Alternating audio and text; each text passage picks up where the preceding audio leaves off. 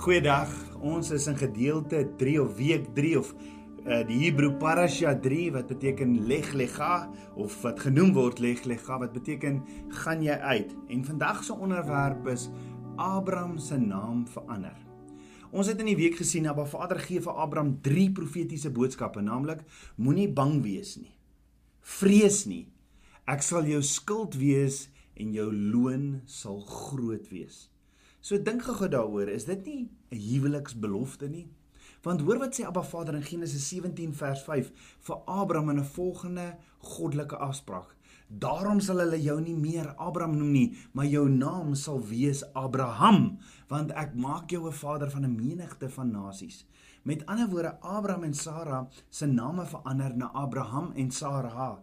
En al wat in hulle name bygekom het, is die Hebreëse letter hy wat ingevoeg is in beide se name.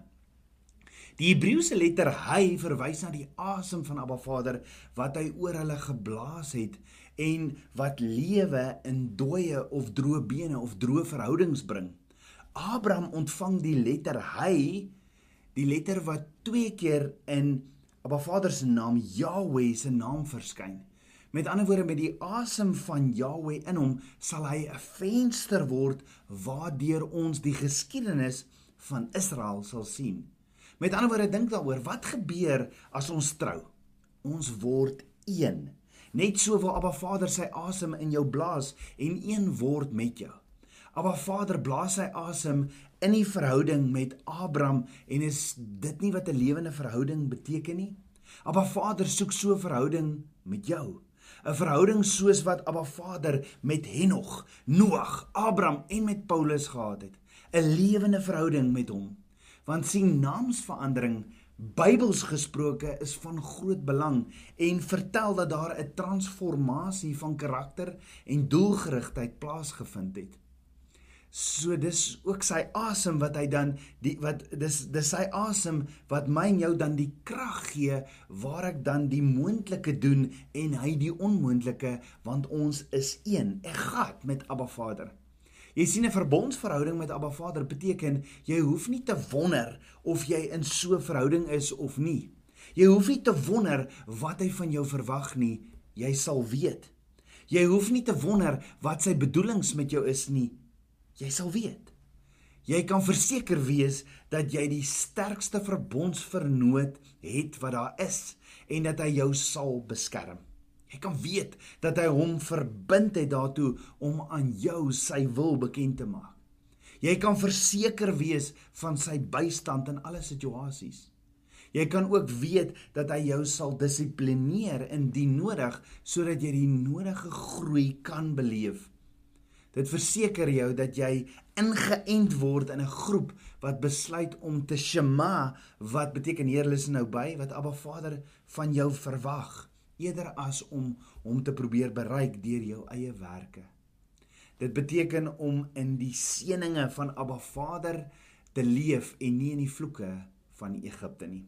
So Paulus leer ons dat wanneer ons in die in die geloof instap, dan stap ons in die verbond in en dan word gehoorsaamheid deel van die verbond. En dis waar Abba Vader se verbond en sy instruksies op die tafels van ons harte geskryf word. So hoor gou-gou. Abraham se naam in Hebreëus bestaan uit 4 letters, naamlik 'n alef, 'n byt, 'n resh en 'n mem. Alef Die eerste letter se Hebreëse piktogram prentjie verteenwoordig 'n os of krag, Abba Vader se almag. Bev, ag 'n bed se Hebreëse piktogram prentjie verteenwoordig 'n huis. Resh verteenwoordig die kop of hoof van 'n man en dan mem verteenwoordig 'n geslote baarmoeder of ook 'n golf water. Dis water wat nuwe lewe voortbring. Sit jy al hierdie prentjies van Abraham se naam bymekaar beteken dit die krag van die huis is die hoof van die waters. Nou wie is die hoof van die huis? Yahweh. En wie is die hoof van alle waters wat van bo af kom? Yahweh. So hoekom van ander Abba Vader Abraham se naam? Abba Vader sit 'n hy in. Hy se Hebreëse piktogram prentjie verteenwoordig 'n oop venster vir openbarings. Met ander woorde, dit wat toe was, is nou oop. Sit jy al hierdie prentjies van Abraham se naam bymekaar, beteken dit die krag van die huis is die hoof van nuwe openbarings van die waters. En dit laat my dink aan die een student wat vir die onderwyser onophoudelik die heeltyd in in in in in die rede val en onophoudelike vrae vra in die wiskunde klas. En hou nie op met vra nie. Totdat die onderwyser opstaan en 'n handboek vir die student gee en sê: "Hierin is al die antwoorde vir al jou vrae."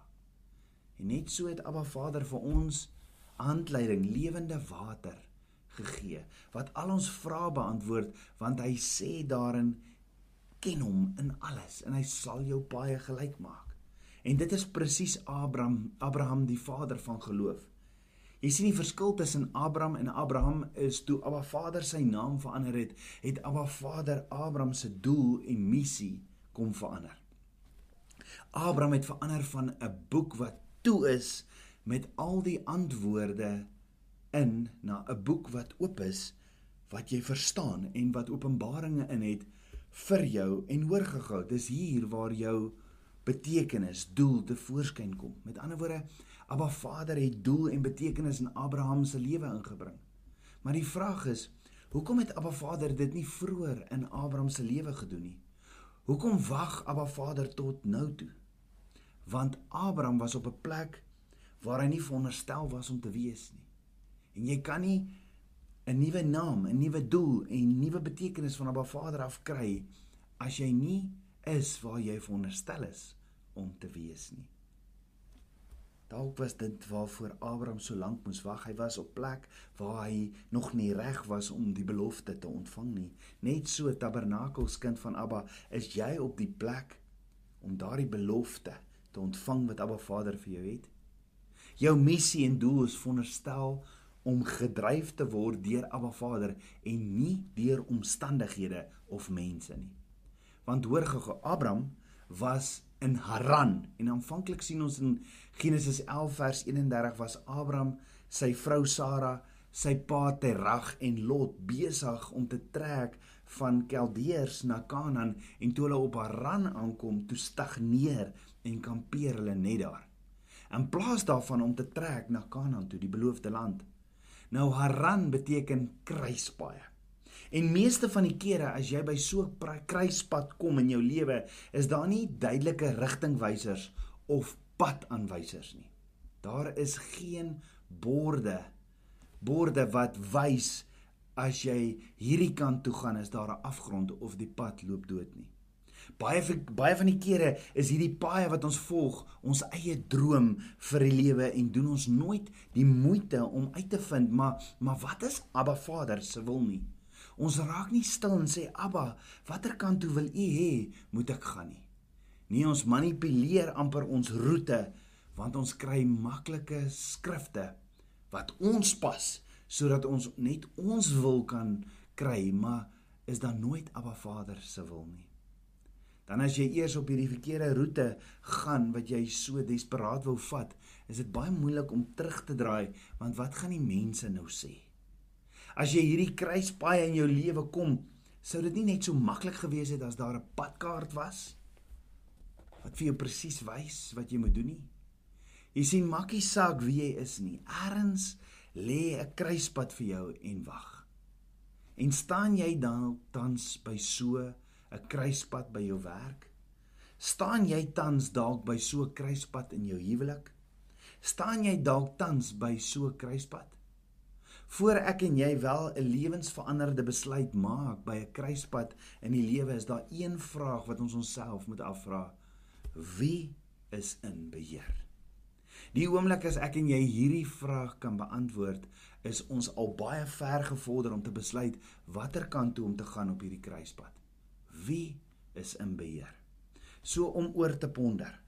Was Abraham se pa nog in beheer en het hy dalk eerder besluit om te kampeer in Haran. Terag wat beteken station or delay. So het terag gedelay om die droom, doel, betekenis wat Abba Vader vir hulle gehad het. Is dit moontlik? Is dit dalk hoekom ons die God van Abraham, Isak en Jakob aanbid en nie die God van Terach nie? Want hy het by 'n kruispad gekom en gekampeer en nie in geloof gegaan waar Abba Vader hom gelei het nie. Is dit ook hoekom Abba Vader vir Abraham in Genesis 12 vers 1 tot 2 sê, "Gaan jy uit jou land en uit jou familie en uit jou vader se huis na die land wat ek jou sal wys en ek sal jou 'n groot nasie maak en jou seën en jou naam so groot maak dat jy 'n seën sal wees?" Wat het Abraham toe gedoen? Vers 4 sê, "Toe het Abraham weggetrek soos Jahweh hom gesê het." Jy sien dis wanneer ons oorgee en en sê Abba Vader, U is 'n beheer. Ek sien nie hoe dit gaan gebeur nie, maar Abba, ek gee U beheer.